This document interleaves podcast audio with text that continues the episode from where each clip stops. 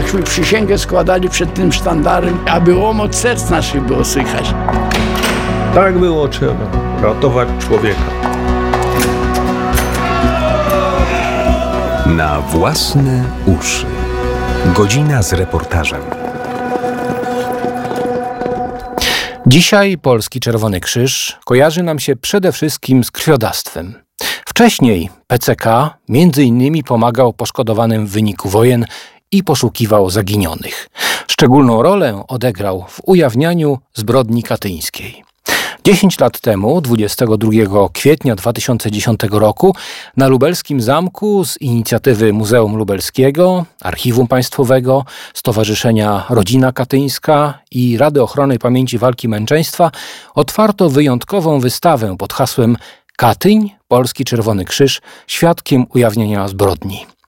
Stała się ona pretekstem do opowieści o odważnych ludziach z Komisji Technicznej PCK w utrwalaniu od 1943 roku śladów zbrodni pod Smoleńskiem, ale również o losach polskich oficerów w pamięci ich dzieci odwiedzających wystawę.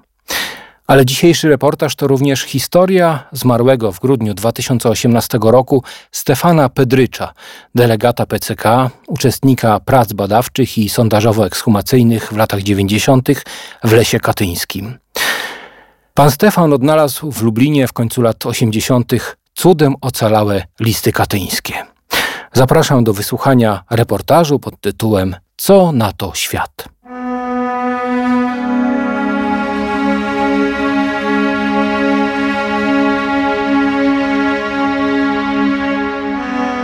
1983 roku rozpocząłem pracę na stanowisku wówczas sekretarza Zarządu Wojewódzkiego Polskiego Czerwonego Krzyża.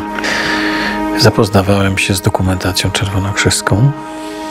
Natrafiałem na szczególnie ważne, istotne dokumenty dotyczące funkcjonowania Biura Informacji i Poszukiwań Polskiego Czerwonego Krzyża.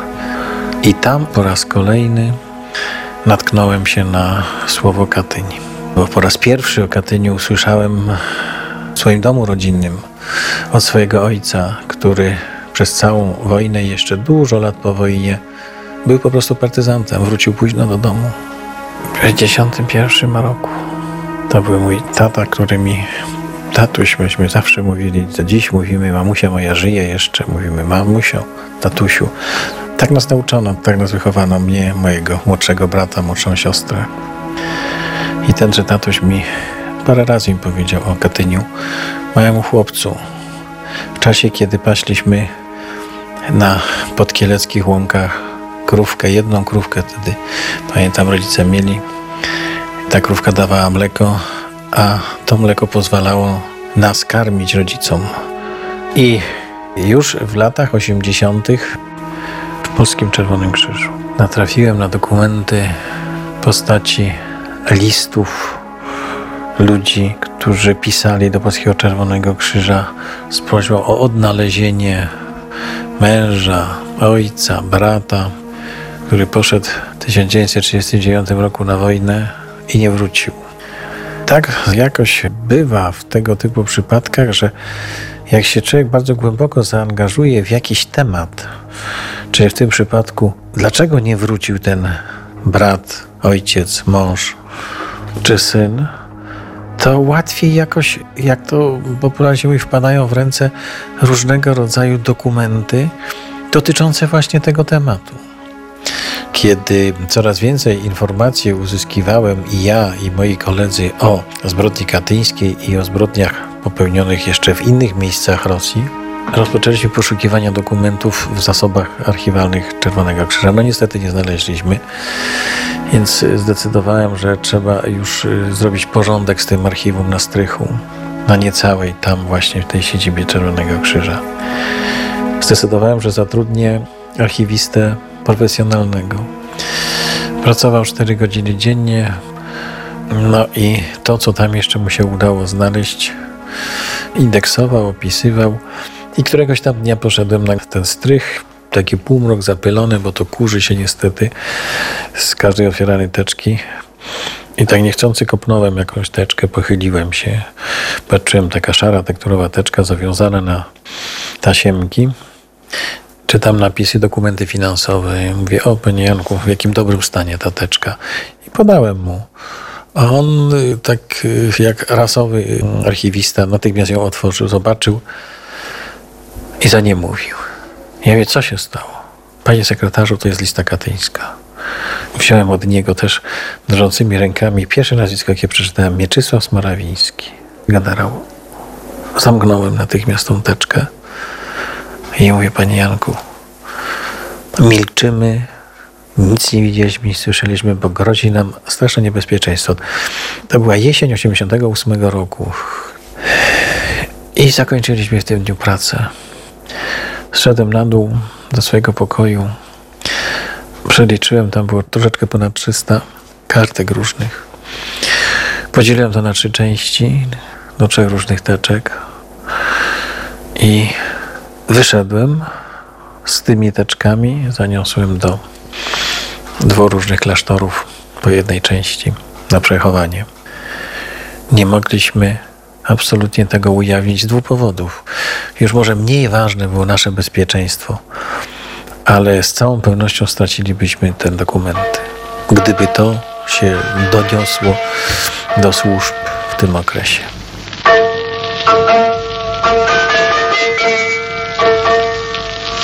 Wojska niemieckie zajęły Częstochowę. W walkach powietrznych strąciliśmy 14 samolotów nieprzyjacielskich przy stracie trzech własnych. Westerplatte walczy. Po ciężkich bojach zmuszeni byliśmy opuścić Grudziądz i Bydgoszcz.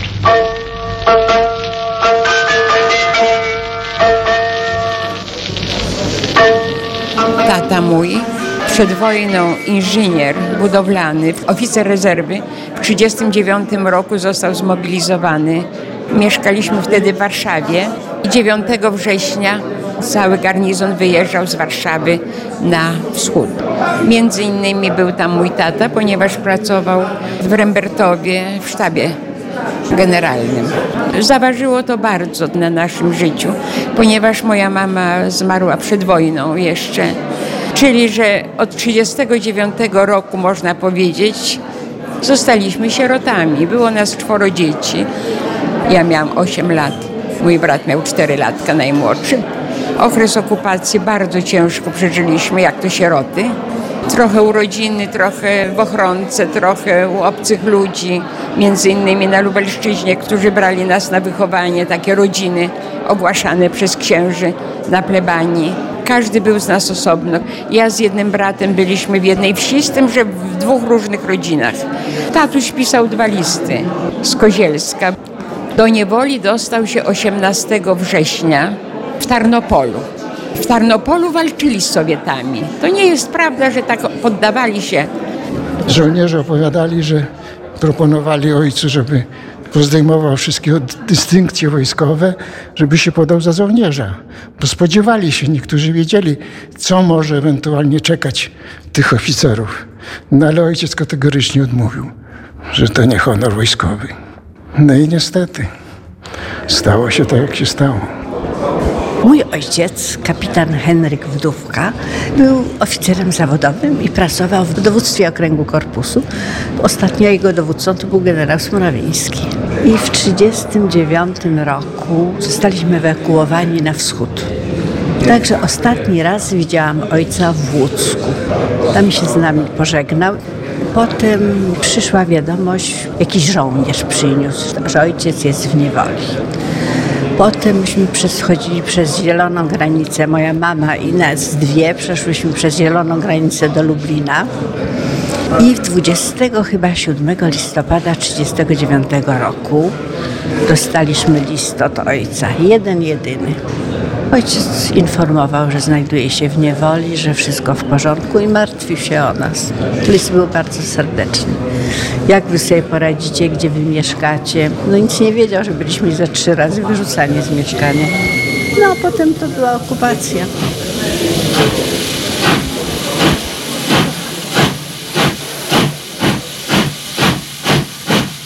Polski Czerwony Krzyż się zainteresował bardzo listami, które pisali ludzie do Czerwonego Krzyża. Znajdźcie nam naszego mężczyzny, który poszedł bronić ojczyzny i nie wrócił.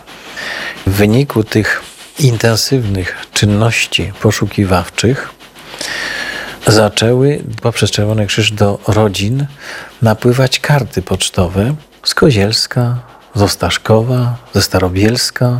Należy pamiętać jeszcze o jednej bardzo ważnej rzeczy. Wszyscy funkcjonariusze Polskiego Czerwonego Krzyża przez cały okres okupacji hitlerowskiej byli jednocześnie członkami władz tak zwanego państwa podziemnego. Czyli bardzo ściśle współpracowali wówczas i z organizacjami wojskowymi podziemnymi, jak i z władzami państwowymi emigracyjnego rządu londyńskiego naszego. To postępowanie właśnie funkcjonariuszy czerwonokrzyskich na przełomie lat 39-40 spowodowało, że ujawnione zostały miejsca, gdzie są przetrzymywani oficerowie i urzędnicy mundurowi służb państwowych. Sowieci utrzymywali to w głębokiej tajemnicy, bo nie ujawniali nikomu i nigdzie. Tymczasem wyszła prawda na jaw właśnie w postaci tych kart pocztowych, skąd one napłynęły. I to jest właśnie ten początek ujawniania zbrodni katyńskiej przez Polski Czerwony Krzyż. To był ten 1939 rok, właśnie te karty pocztowe, właśnie te listy.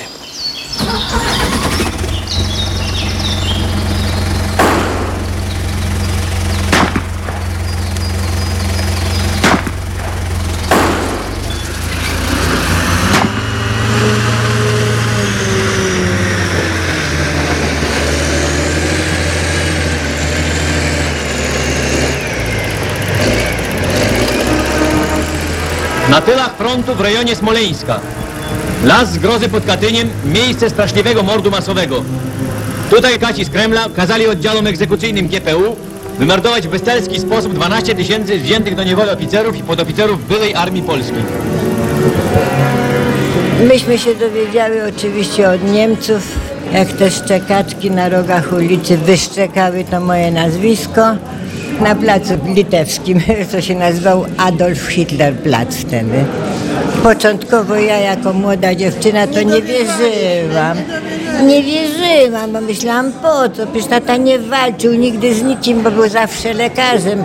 Całą wojnę w 20 roku jako komendant szpitala polowego przepracował i ratował ludzi i był lekarzem. No to dlaczego ktoś miałby go zaszczepić? No to wie pan, człowiek, który ma kilkanaście lat i jeszcze jest inaczej wychowany, to sobie nie wyobraża, że w ogóle mordy są możliwe. No. Mieszkałam wtedy w rodzinie obcych ludzi, ale bardzo zacnych. Dostałam się tam z ochronki i tam chodziłam do szkoły. I nauczycielka pewnego dnia wezwała mnie do siebie i mówi, zaczęła wypytywać o imię taty, skąd, co takie. I mówi, słuchaj, ja tu mam gazetę i w tej gazecie jest nazwisko twego ojca. I pokazała mi. Więc dla mnie to był szok. Jak mi pokazała i powiedziała. Ja nie wierzyłam. Coś mówiła do mnie, do mnie to nie docierało, że to jest niemożliwe. Przecież pisał listy z Kozielska, gdzieś musi być, tylko gdzie? Dlaczego nic nie pisze dalej? Szłam do domu z płaczem i modliłam się. Tato, pamiętam doskonale, gdzie jesteś? Gdzie się podziałeś? Dlaczego nie dajesz znaku życia?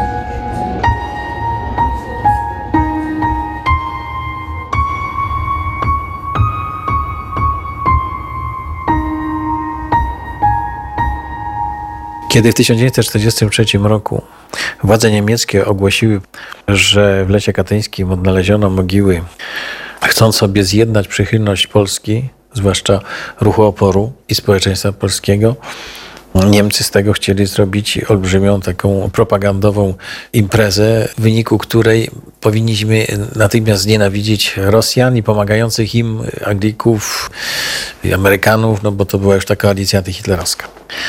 Niemcy zwrócili się do ówczesnego Polskiego Czerwonego Krzyża. Takie to było żądanie, zaproszenie do wyjazdu do Lasu Katyńskiego, żeby tam na miejscu zobaczyły władze Czerwonego Krzyża i podjęły decyzję, czy wezmą udział w zewidencjonowaniu tych pomordowanych. Więc to był taki trudny okres dla Polskiego Czerwonego Krzyża, bo przecież Polski Czerwony Krzyż nie mógł pomagać Niemcom, okupantom, przeciwko tym, którzy z tymi Niemcami walczyli.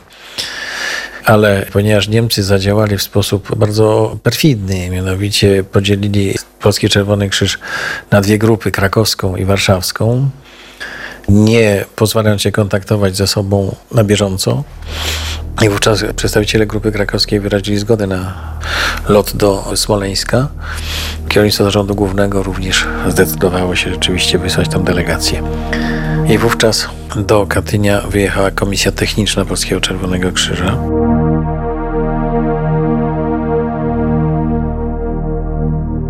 Fragmenty sprawozdania poufnego o całokształcie udziału Polskiego Czerwonego Krzyża w pracach ekshumacyjnych w Katyniu pod Smoleńskiem za okres kwiecień-czerwiec 1943 roku.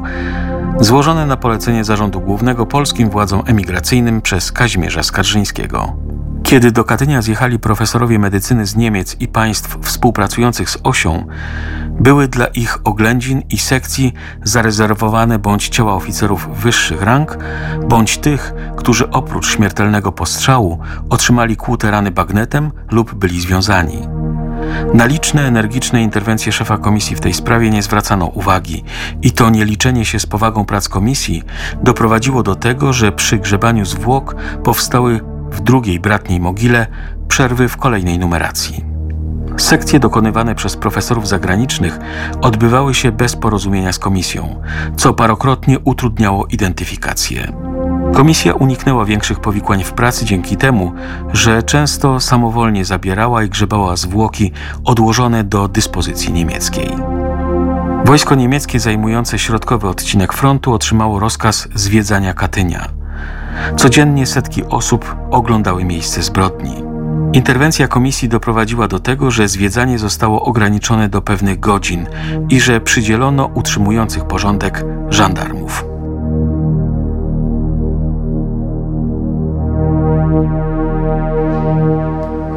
Nasza Polska Komisja Techniczna, PCK, oni pracowali po 10 godzin. Nie mieli ochronnego ubrania. Mieli parę, parę rękawic gumowych, które w przeciągu jednego dnia niszczyły się i później oni musieli gołymi rękami wyjmować zwłoki i prawda, rozcinać, wyciągać to wszystko. Fetor taki panował, że oni, gdy wracali na miejsce tam, gdzie mieli kwatery, musieli no, myć się dokładnie, ubrani. Zresztą to nie dało się tego zapachu zmyć z siebie. Przeżycia dla tych ludzi, którzy uczestniczyli w pracach ekskumacyjnych, pozostawiły ślad do końca życia.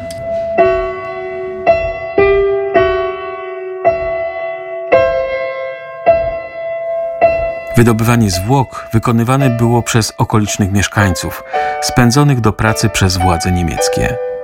Sprawozdanie Komisji Technicznej pobieżnie tylko wspomina o tym, że członkowie komisji własnoręcznie ekshumowali 46 zwłok z dołu zapełnionego wodą. Chodzi tu o dół, który sam widziałem podczas mojej bytności w Katyniu.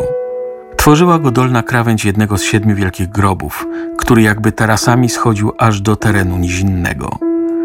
Zapełniała go ciemna woda podskórna, z powierzchni której sterczały części zwłok. Dla ekshumacji obiecywali Niemcy dostarczyć pomp i pozostawał on nieopróżniony do ostatnich dni pracy. Pewnego dnia stwierdził pan Wodzinowski, że robotnicy rosyjscy rozpoczęli zasypywanie dołu. Wstrzymał on natychmiast tę pracę i od porucznika Slowenzika dowiedział się, że wojsko z powodu ciągłych nalotów sowieckich i zarządzonego w całej okolicy stałego pogotowia pożarowego nie może dostarczyć pomp, a od robotników żądać tego rodzaju ekshumacji nie można. Wtedy to pięciu członków Komisji Technicznej PCK z panem Wodzinowskim na czele zeszło do dołu i własnoręcznie w ciągu siedmiu godzin pracy wydobyło z wody 46 zwłok oficerów polskich.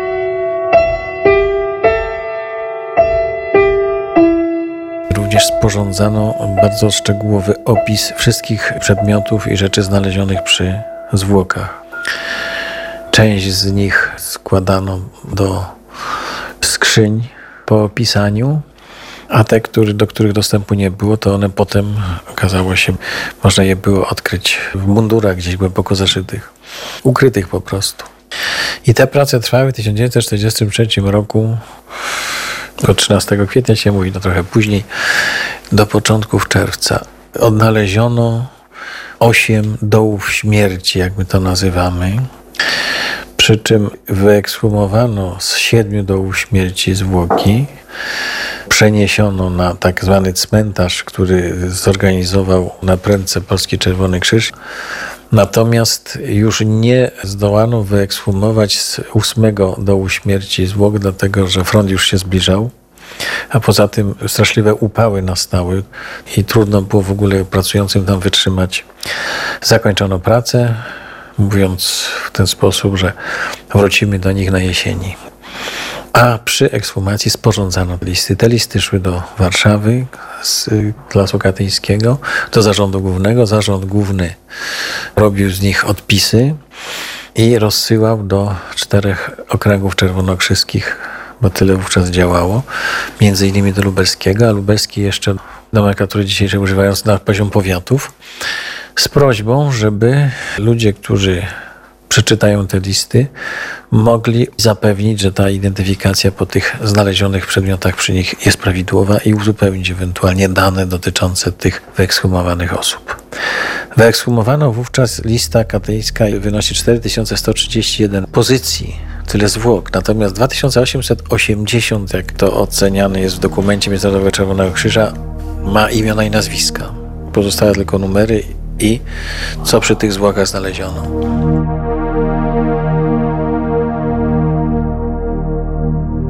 Po skończeniu ekshumacji wojskowe władze niemieckie wysłały do Instytutu Medycyny Sądowej w Krakowie dziewięć numerowanych skrzyń, zawierających koperty ze spuścizną katyńską oraz jedną specjalną, małą, nienumerowaną, zawierającą koperty z pamiętnikami w stanie, jak się okazało, kompletnym i nieokrojonym. Rozpocząwszy oficjalnie pracę nad kolejnym badaniem zawartości kopert, profesor Robel rozpoczął również natychmiast w porozumieniu z PCK, lecz w sekrecie przed Niemcami, badanie okoliczności samego mordu. Oficjalna praca polegała na ustaleniu ostatecznej listy poległych w Katyniu, gdyż pierwotna lista mogła służyć jako materiał orientacyjny. Toku tajnej pracy został stworzony specjalny materiał pomocniczy w formie kartoteki, zawierający wszystkie spotkane w dokumentach i notatkach wzmianki o kolegach i życiu w obozie kozielskim. Wzmianki te często się krzyżowały i potwierdzały wzajemnie, przy czym najpoważniejszym ich źródłem były oczywiście pamiętniki. Powoli rysowała się cała prawda. Udało się profesorowi Roblowi wyprowadzić z notatek liczbę oficerów znajdujących się w Kozielsku w marcu 1940 roku. Około 5 tysięcy. Wszystkie daty w notatkach, jak i w pamiętnikach urywały się w miesiącach kwietniu i maju 1940 roku.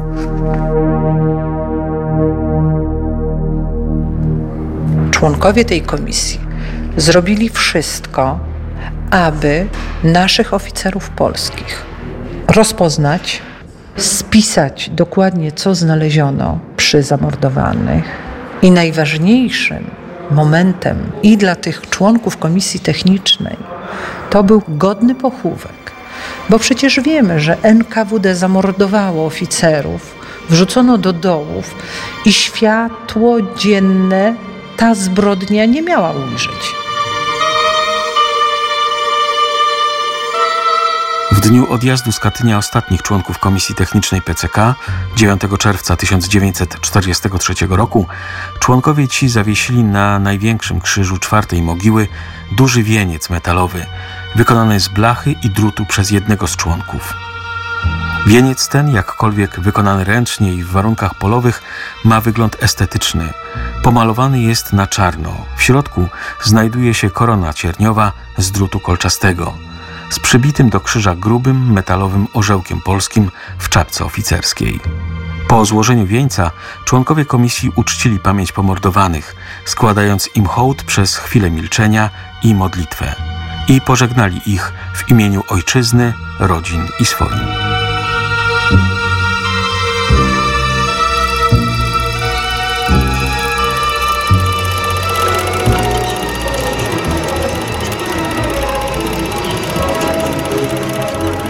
Постановлением Чрезвычайной государственной комиссии по установлению и расследованию злодеяний немецко-фашистских захватчиков и их сообщников была создана специальная комиссия для установления обстоятельств расстрела немцами военнопленных польских офицеров в Катынском лесу. W 1943 roku, pod koniec czerwca, to tam już były wojska sowieckie. Stalin polecił przeprowadzenie prac, które by wskazywać mogły bez żadnej wątpliwości, że tej zbrodni dokonali Niemcy. Fragment oświadczenia złożonego przez Kazimierza Skarżyńskiego przed Polskim Sądem Polowym w Londynie we wrześniu 1946 roku. Z zarządu PCK zostałem usunięty przez administrację warszawską z dniem 1 maja 1945 roku. Niedługo jednak i ten zarząd główny został usunięty i obecnie w jego skład nie wchodzi nikt z dawnych członków. Przypuszczam, że niechętny stosunek nowej administracji warszawskiej oraz władz sowieckich do dawnego zarządu głównego PCK tłumaczy się jego kontaktami z podziemną Armią Krajową oraz lojalnością w stosunku do rządu londyńskiego w czasie okupacji, w szczególności zaś udziałem PCK w pracach ekshumacyjnych w Katyniu. Wszystkie osoby, które miały jakąś łączność ze sprawą katyńską, były następnie bądź to aresztowane, bądź poszukiwane, bądź też badane przez organa sądownicze. Ja osobiście w połowie maja 1945 roku zostałem urzędowo wezwany przez sędziego Szwarca z ramienia Ministerstwa Sprawiedliwości w Warszawie, który mi oświadczył, że władze polskie zamierzają przeprowadzić w swoim zakresie śledztwo w sprawie Katynia i że w związku z tym, ze względu na mój udział w tej sprawie, będę musiał złożyć szczegółowe zeznanie jako jeden z głównych świadków. Powiedział mi przy tym, że powinienem przedstawić przebieg całej sprawy oraz poniekąd w moim własnym interesie podkreślić w zeznaniu wszystko to, co potwierdza winę niemiecką. W ciągu paru chwil, jakie upłynęły pomiędzy oświadczeniem sędziego Szwarca a moją odpowiedzią, zdałem sobie sprawę z sytuacji, w jakiej się znalazłem – nie ulegało wątpliwości, że miałem świadczyć pod groźbą. Odpowiedziałem sędziemu, że chętnie podkreślę wszystkie detale stawiające władze niemieckie we właściwym świetle, ale że w zeznaniu moim nikt nie będzie mógł doszukać się stwierdzenia, że mord katyński popełniony został przez Niemców. Wiem, że w sprawie katyńskiej byli badani również panowie Lachert, Wielowiejski, Wodzinowski, dr Bartoszewski i bodaj wszyscy członkowie Komisji Technicznej PCK w Katyniu. Niektóre osoby uniknęły badania, ukrywając się przez dłuższy czas. Spośród osób związanych ze sprawą katyńską za Ferdynandem Getlem oraz doktorem Marianem Wodzińskim rozpisane były przez władze policyjne listy gończe, które jednak nie odniosły powodzenia. W kwietniu 1946 roku w rozmowie z Szebestą dowiedziałem się, że on również ukrywał się przez szereg miesięcy i ujawnił się dopiero po publikacji specjalnych zarządzeń amnestyjnych. Opowiadał mi wtedy o szczegółach aresztowania profesora Robla. Po wkroczeniu wojsk rosyjskich do Krakowa w jednym z tamtejszych klasztorów, władze sowieckie wykryły zamurowaną wraz z aktami Komendę Okręgu Armii Krajowej paczkę z poświadczonymi przez profesora Robla odpisami wspomnianych już uprzednio 22 pamiętników katyńskich. Spowodowało to oskarżenie profesora Robla o kontakty z Armią Krajową i jego aresztowanie. W czasie śledztwa miał być badany przez oficerów NKWD Traktowany przyzwoicie, lecz ciągle się dopytywano o szczegóły w sprawie katyńskiej. Po około dwóch, trzech miesiącach został z więzienia zwolniony. Od jednej z osób badanych po mnie przez sędziego Szwarca dowiedziałem się, że wobec jednolitych zeznań wszystkich badanych władze polskie zaniechały dalszego prowadzenia śledztwa w sprawie katyńskiej. Skarżyński zresztą już w 1943 roku napisał pierwszy raport, kilka raportów napisał o tym, co tam widział w lesie smoleńskim, jak przygotował się Czerwony Krzyż do pracy, jak ją wykonał. I w 1945 roku musiał uciekać z Warszawy, zabrał wszystkie dokumenty, właśnie te raporty również, do Londynu. I tam w Londynie dopiero na te raporty natknęliśmy się dużo po wojnie. Bo te raporty Skarżyńskiego trafiły oczywiście na biurka osób najważniejszych w świecie wówczas, tylko też bez reakcji żadnej niestety. My dziś te raporty czytamy odnosząc się jak do świętości. Bo cóż może być uczciwszym i prawdziwszym dokumentem, jak nie osoby publicznego zaufania, która, mówimy o Skarżyńskim, o sekretarzu generalnym Polskiego Czerwonego Krzyża, która tam była i te raporty sporządzała. I to było za mało, żeby w procesie norymberskim uznać tą zbrodnię za zbrodnię popełnioną przez Sowietów i zbrodnię o charakterze ludobójstwa. To jest kolejny nasz dramat narodowy, no i kolejne rozterki, emocje takich osób jak ja i mnie podobnych, którzy chcieliby za wszelką cenę samemu poznać prawdę i tą prawdę pokazać wszystkim, wszystkim żeby nigdy więcej nic takiego się nie stało, ale żeby też i dokonano oceny tego straszliwego czynu, bo wiadomo, że dzisiaj już nie ma kogo karać, bo tych ludzi nie ma, oni nie żyją. Ale ten tak zwany wyrok moralny, stwierdzenie sądu, które powinno mieć miejsce, musi zawierać to stwierdzenie, że popełniony został mord ze sprawstwa takich i takich osób. Bo z jakiego sprawstwa, to my dziś wiemy. Szanowni Państwo, spotkaliśmy się dzisiaj, by oddać hołd i pamięć pomordowanym oficerom polskim w Katyniu. 22 tysiącom ludzi, którzy w sposób niezasłużeni, niezasłużenie skazani zostali zamordowani. Do tej uroczystości przygotowało się Muzeum Lubelskie wcześniej. Miała mieć ona trochę inny wydźwięk, inny kontekst. Mieliśmy poświęcić nasze wspomnienie tylko i wyłącznie zmarłym oficerom. Ale tak się zdarzyło, że 10 kwietnia pielgrzymi sprawy polskiej, którzy udawali się, by oddać cześć pomordowanym w Katyniu, również znaleźli śmierć w katastrofie lotniczej. Proszę Państwa, proszę księdza Marka Wisińskiego o odmówienie modlitwy za pomordowanych w Katyniu w 40 roku i za ofiary katastrofy lotniczej. W imię Ojca i Syna i Ducha Świętego zawierzmy Bogu miłosiernemu. Wszystkich pomordowanych zawierzajmy, wszystkich, którzy oddali również swoje życie, jadąc tam, pokłonić się im wszystkim. Kyrie eleison.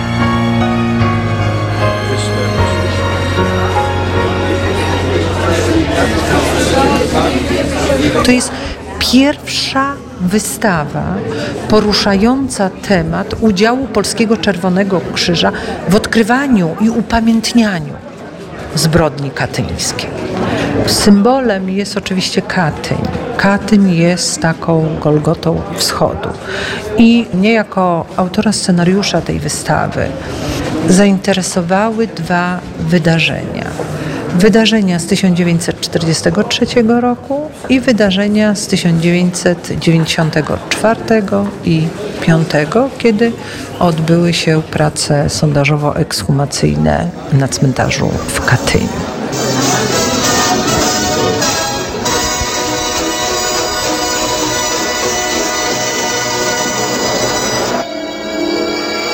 W lipcu tego roku do lasu wkroczyła polsko-radziecka ekipa śledczo-ekshumacyjna. Dopiero w piątym dole odnaleziono pierwsze kości. Jest następna czaszka. Obok, patrz. Trzeba po prostu zobaczyć na, na wzory, jakie te numery były i, i odczytać. Jeden z pierwszych bardzo czytelnych małych guzików mundurowych, spodniego munduru. Ko, proszę, zobaczcie, kołnierzyk, o, cały kołnierzyk zapięty, zapiękny na haftce. Jest koronka złota. Wcześniej były przeprowadzane prace badawczo-sondażowe mające na cel udokumentowanie popełnionej zbrodni, w której bardzo aktywny i czynny udział wziął Polski Czerwony Krzyż. Prace te organizował rząd Rzeczypospolitej w porozumieniu z rządem Rosji, a bezpośrednim wykonawcą, realizatorem była Rada Ochrony Pamięci Wagi i Męczeństwa. Pracami kierował sekretarz generalny Andrzej Przewoźnik. Tak powstała pierwsza ekipa wyjazdowa do zbadania miejsca mordu i stwierdzenia, że oni tam są do Miednoje i do Charkowa w 1991 roku. 1994 rok uzyskujemy informację, że na ukończeniu są rozmowy z rządem rosyjskim wyjazdu do Katynia w okresie czerwiec-wrzesień, po to, aby tam dokonać prac badawczych, ale już bardziej penetrujących ziemię. Szukaliśmy generałów w 1994 roku, nie znaleźliśmy niestety miejsca pochówku. Dwóch generałów. Nasz z Morawińskim mówił o nim, bo on jest lubelakiem i był tutaj dowódcą przecież okręgu lubelskiego wojskowego i generał Bohatyrewicz. Kończył nam się czas, kiedy mogliśmy dokonywać tych czynności eksploracyjnych, a tymczasem nie możemy znaleźć. Myśmy takich odwiertów na tym cmentarzysku i wokoło wykonali setki. Szczęśliwym zbiegiem okoliczności akurat mnie i jeszcze jednemu koledze udało się trafić na miejsce pochówku generałów, ponieważ w rdzeniu Świdra znalazły się w miejscu dalszym od tych mogił, odsuniętym sporo, guzik i y, jakieś fragmenty płaszcza i kości. No i wiedzieliśmy, że tu trzeba kopać. Jak zaczęliśmy kopać, są pozostałości trumien, bo oni byli w trumnach w 1943 roku pochowani przez ekipę Polskiego Czerwonego Krzyża. To nam zamykało jakby dokumentowanie zbrodni to była rzecz podstawowa, a druga rzecz, myśli są takie zwykłe ludzkie. Jak to dobrze rodzina się ucieszy, uraduje, bo zobaczy wreszcie szczątki swojego najwspanialszego syna tej rodziny, no i syna narodu naszego. Nie bójcie się, nic was nie będą pytać. Dzisiaj było otwarcie tej wystawy, no było bardzo dużo ludzi, bardzo dużo emocji. Na początku, gdy zwróciłam się o wypożyczenie eksponatów na tą wystawę, właściwie rodziny nie chcą używać słowa eksponat, tylko to są najcenniejsze pamiątki. Poznałam wnuczkę generała. Pani Ewa powiedziała, proszę pani, no raczej ja bym nie chciała już pożyczać. A dlaczego w ogóle chciałam pożyczyć te pamiątki? Ponieważ generał Smorawiński był dowódcą okręgu korpusu tutaj w Lublinie, trafił do niewoli sowieckiej ze swoimi wszystkimi oficerami. Tu macie doktora Błażejskiego, Skorbiszewski. Ci wszyscy, którzy stąd są prawie tutaj trzy czwarte na wystawie, to byli z generałem Smorawińskim i zostali zamordowani w Katyniu. Ja w ten sposób powiedziałam pani Ewie, ja bym chciała, żeby generał tu był i żeby dalej opiekował się swoimi żołnierzami. Mówi, ja wszystko pani pożyczę, co pani będzie chciała. I rzeczywiście pojechałam do Warszawy w związku z tym, że Polski Czerwony Krzyż jest także współorganizatorem tej wystawy. Pojechał ze mną pan Stefan Pedrycz, który brał udział w pracach ekshumacyjnych w latach 94-95 i tam jak oglądaliście dokumentację z tych prac, to tam widać pana, który trzyma czaszkę generała Smorawińskiego. Później te szczątki generała są układane do trumny. Ja wypożyczając eksponaty, robiąc protokół, pisałam, a pan Pedrycz opowiadał, bo była też pani Janina Smorawińska, czyli mama pani Ewy. I opowiadał, jak to on brał do ręki, jak nakładał tę blaszkę taką identyfikacyjną. I byłam zła nawet, że pan Pedrycz opowiada, a pani Ewa ciągle tak słucha. I sobie pomyślałam, no przecież będzie czas, gdy przyjedzie na wystawę i mówię, jeszcze zdąży to opowiedzieć. I później się dowiaduje, że zginęła w tym samolocie prezydenckim. Słuchajcie, mam protokół użyczenia eksponatów na nazwisko pani Ewy Bąkowskiej.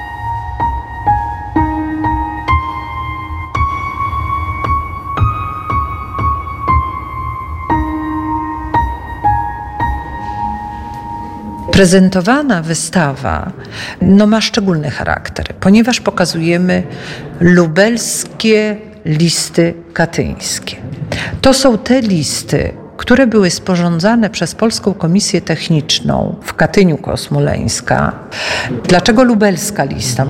Ponieważ była znaleziona, przechowywana w archiwum zarządu lubelskiego oddziału PCK.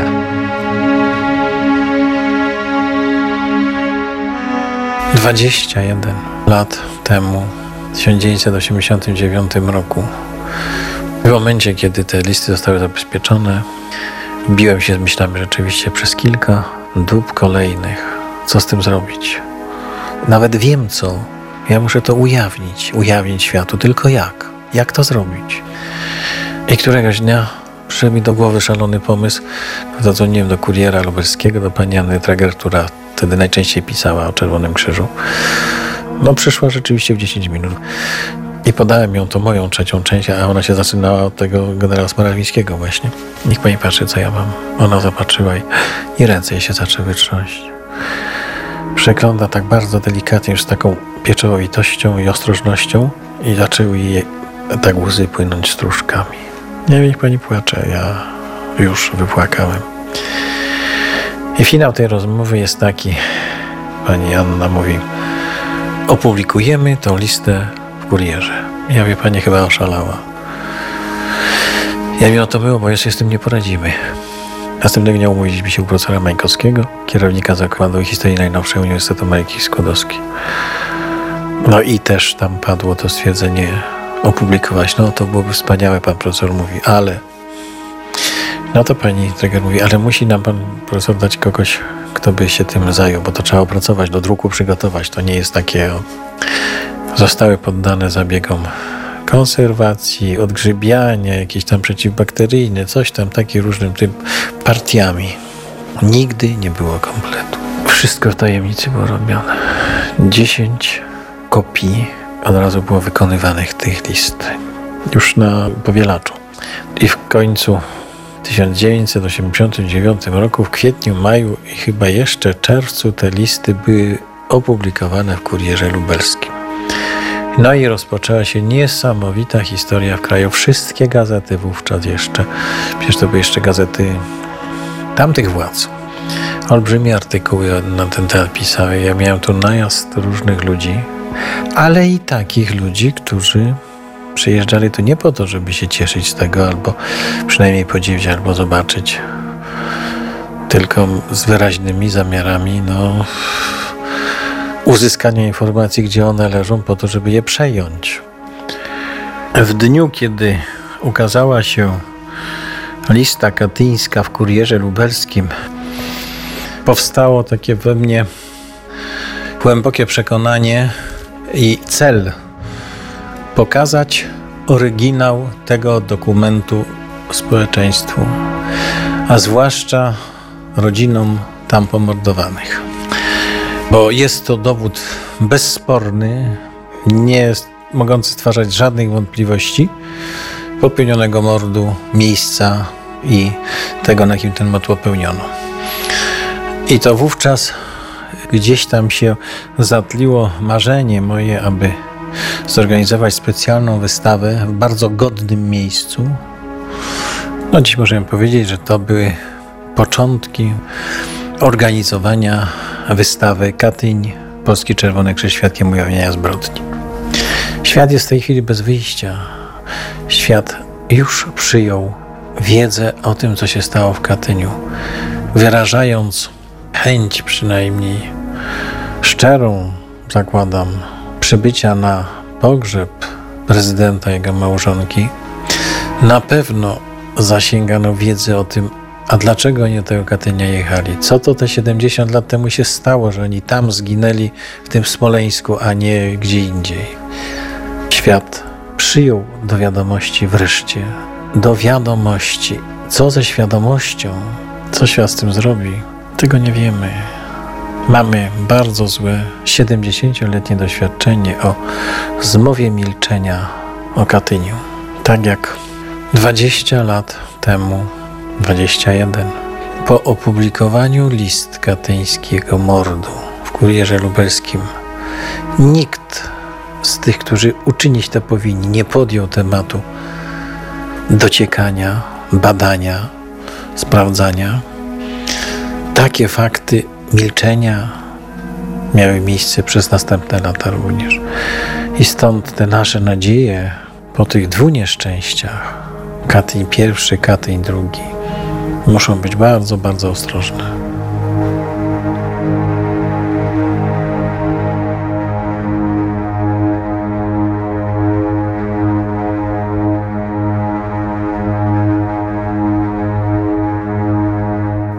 Reportaż, który dzisiaj dla Państwa przygotowałem, nosi tytuł Co na to świat?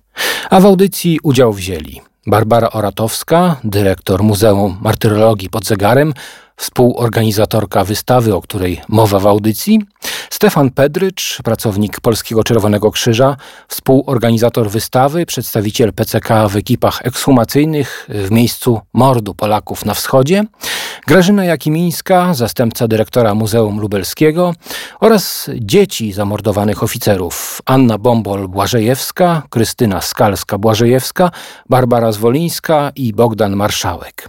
Fragmenty raportu Kazimierza Skarżyńskiego o pracach ekshumacyjnych w Katyniu w interpretacji Jarosława Zonia.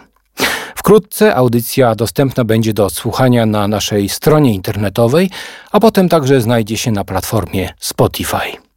I to wszystko w dzisiejszym programie. Mariusz Kamiński, kłaniam się i do usłyszenia.